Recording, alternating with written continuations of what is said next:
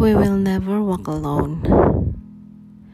Seringkali ketika berada dalam posisi tertekan, situasi yang sulit, masalah datang bertubi-tubi, berapa banyak sih dari kita yang berpikir lalu kemudian bertanya-tanya ataupun mungkin menyatakan hal seperti betapa malangnya aku, mengapa aku harus mengalami hal ini, dan kapan semua ini berakhir.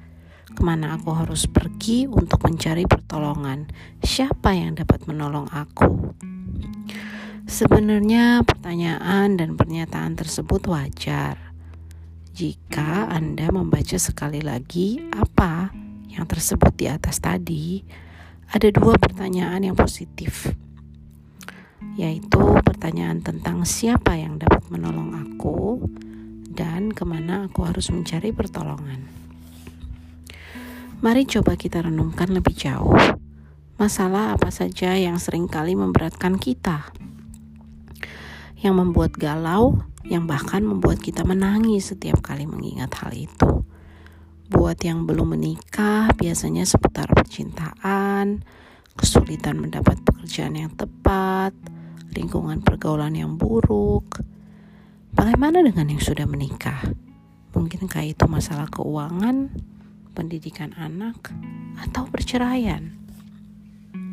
Mungkin juga masalah dalam pekerjaan, seperti persaingan, pemutusan hubungan kerja, dan lain sebagainya. Lalu, mengapa hal-hal tersebut bisa terjadi? Bagaimana kita menyikapi kondisi-kondisi seperti ini? Seorang teman pernah bercerita, setelah kurang lebih dua tahun berpacaran dengan kekasihnya, dia baru mengetahui kalau ternyata kekasihnya itu sudah memiliki istri dan anak. Sangat sulit bagi teman saya untuk berpisah, terlebih ketika akhirnya teman saya juga memiliki anak dari kekasihnya. Sebagai teman, saya tidak dapat berbuat banyak, selain tentunya menjadi pendengar yang baik dan juga terus mendoakan teman saya agar teman saya mendapatkan jalan keluar dari persoalan hidupnya. Dan ketika saya menulis tulisan ini, teman saya sudah menjadi salah seorang leader insurance yang sukses. Dia berani mengambil langkah untuk keluar dari zona nyaman dan memilih untuk tidak lagi bersama kekasihnya tersebut. She is a single mother dan saya sangat bangga bisa menjadi temannya.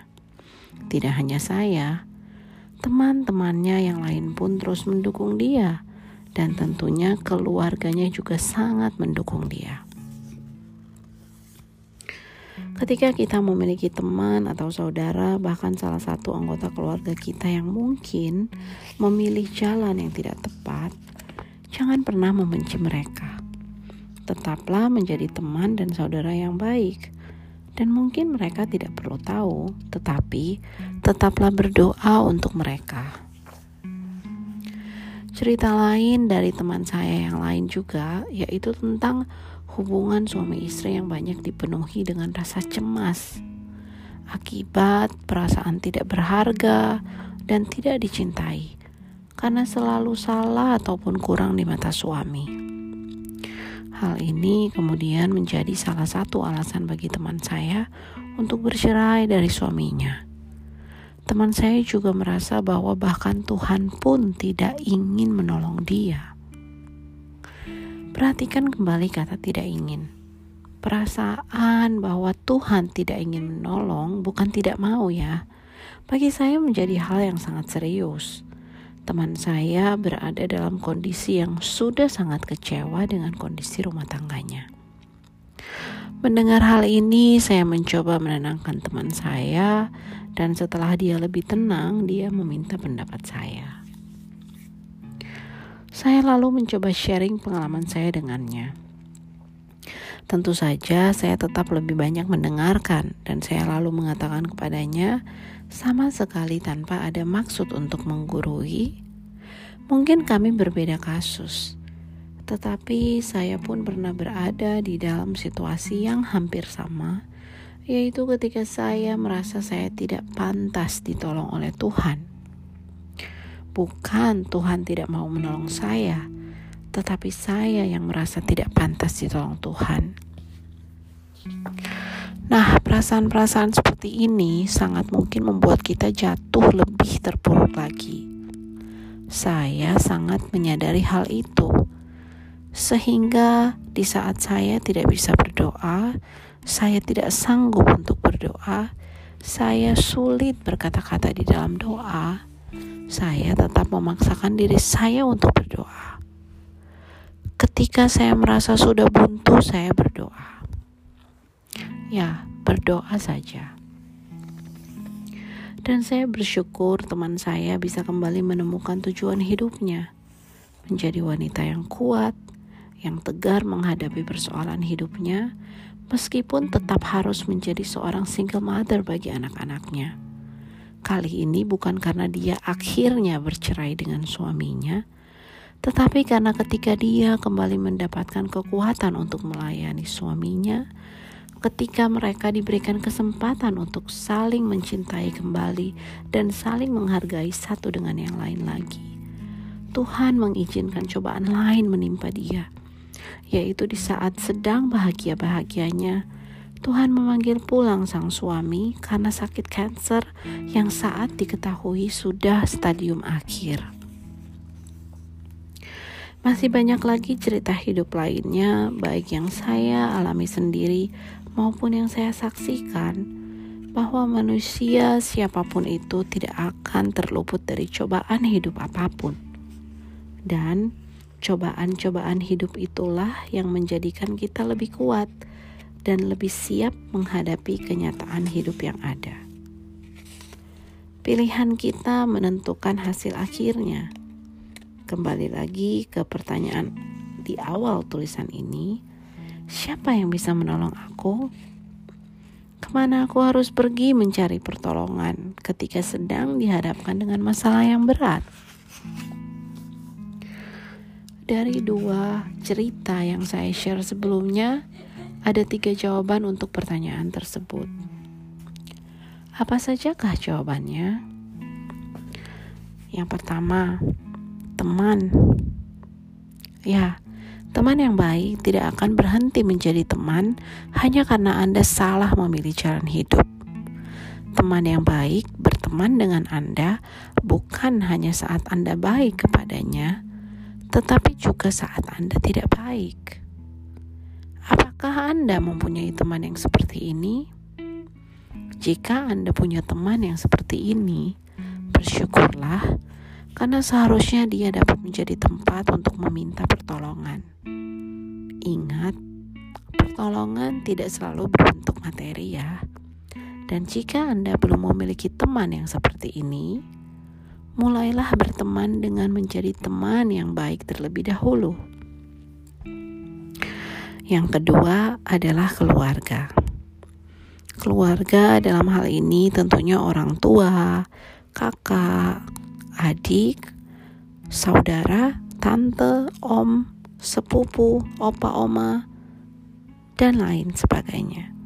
Tempat di mana seharusnya kita mencari pertolongan. Saya percaya itu.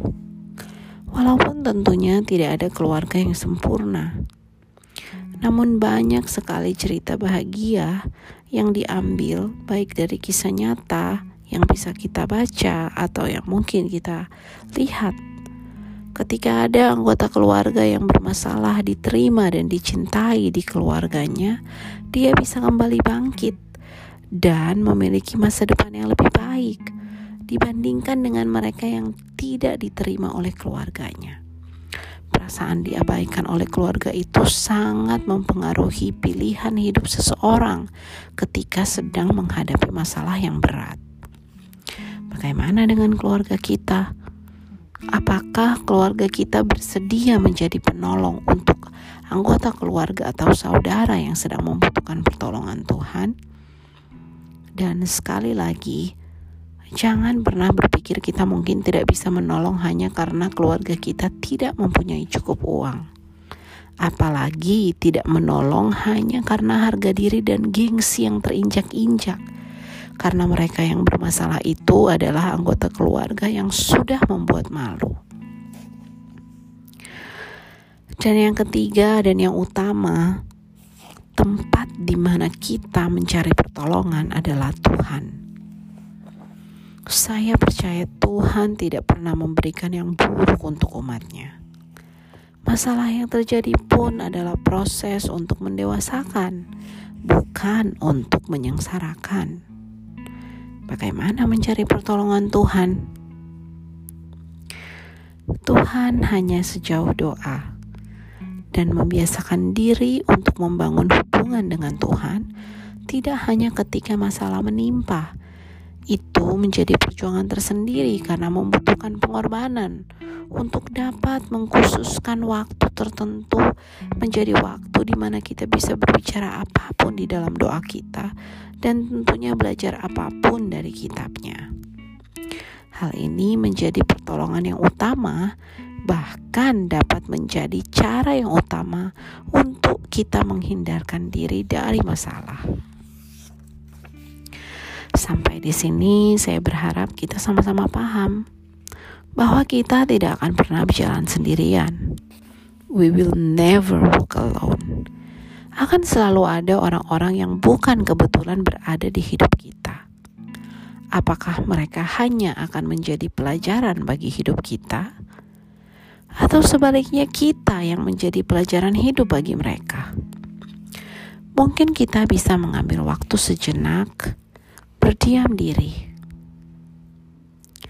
mengambil waktu khusus untuk merenungkan kembali di mana posisi kita saat ini. Apakah saat ini kita adalah bagian dari mereka yang membutuhkan pertolongan? Ataukah kita adalah bagian dari mereka yang bisa memberikan pertolongan? Semuanya hanya bisa dijawab oleh teman-teman sendiri. Dan satu quote yang selalu saya ingat bahwa everything happen for a reason and it must be a good reason. Thank you.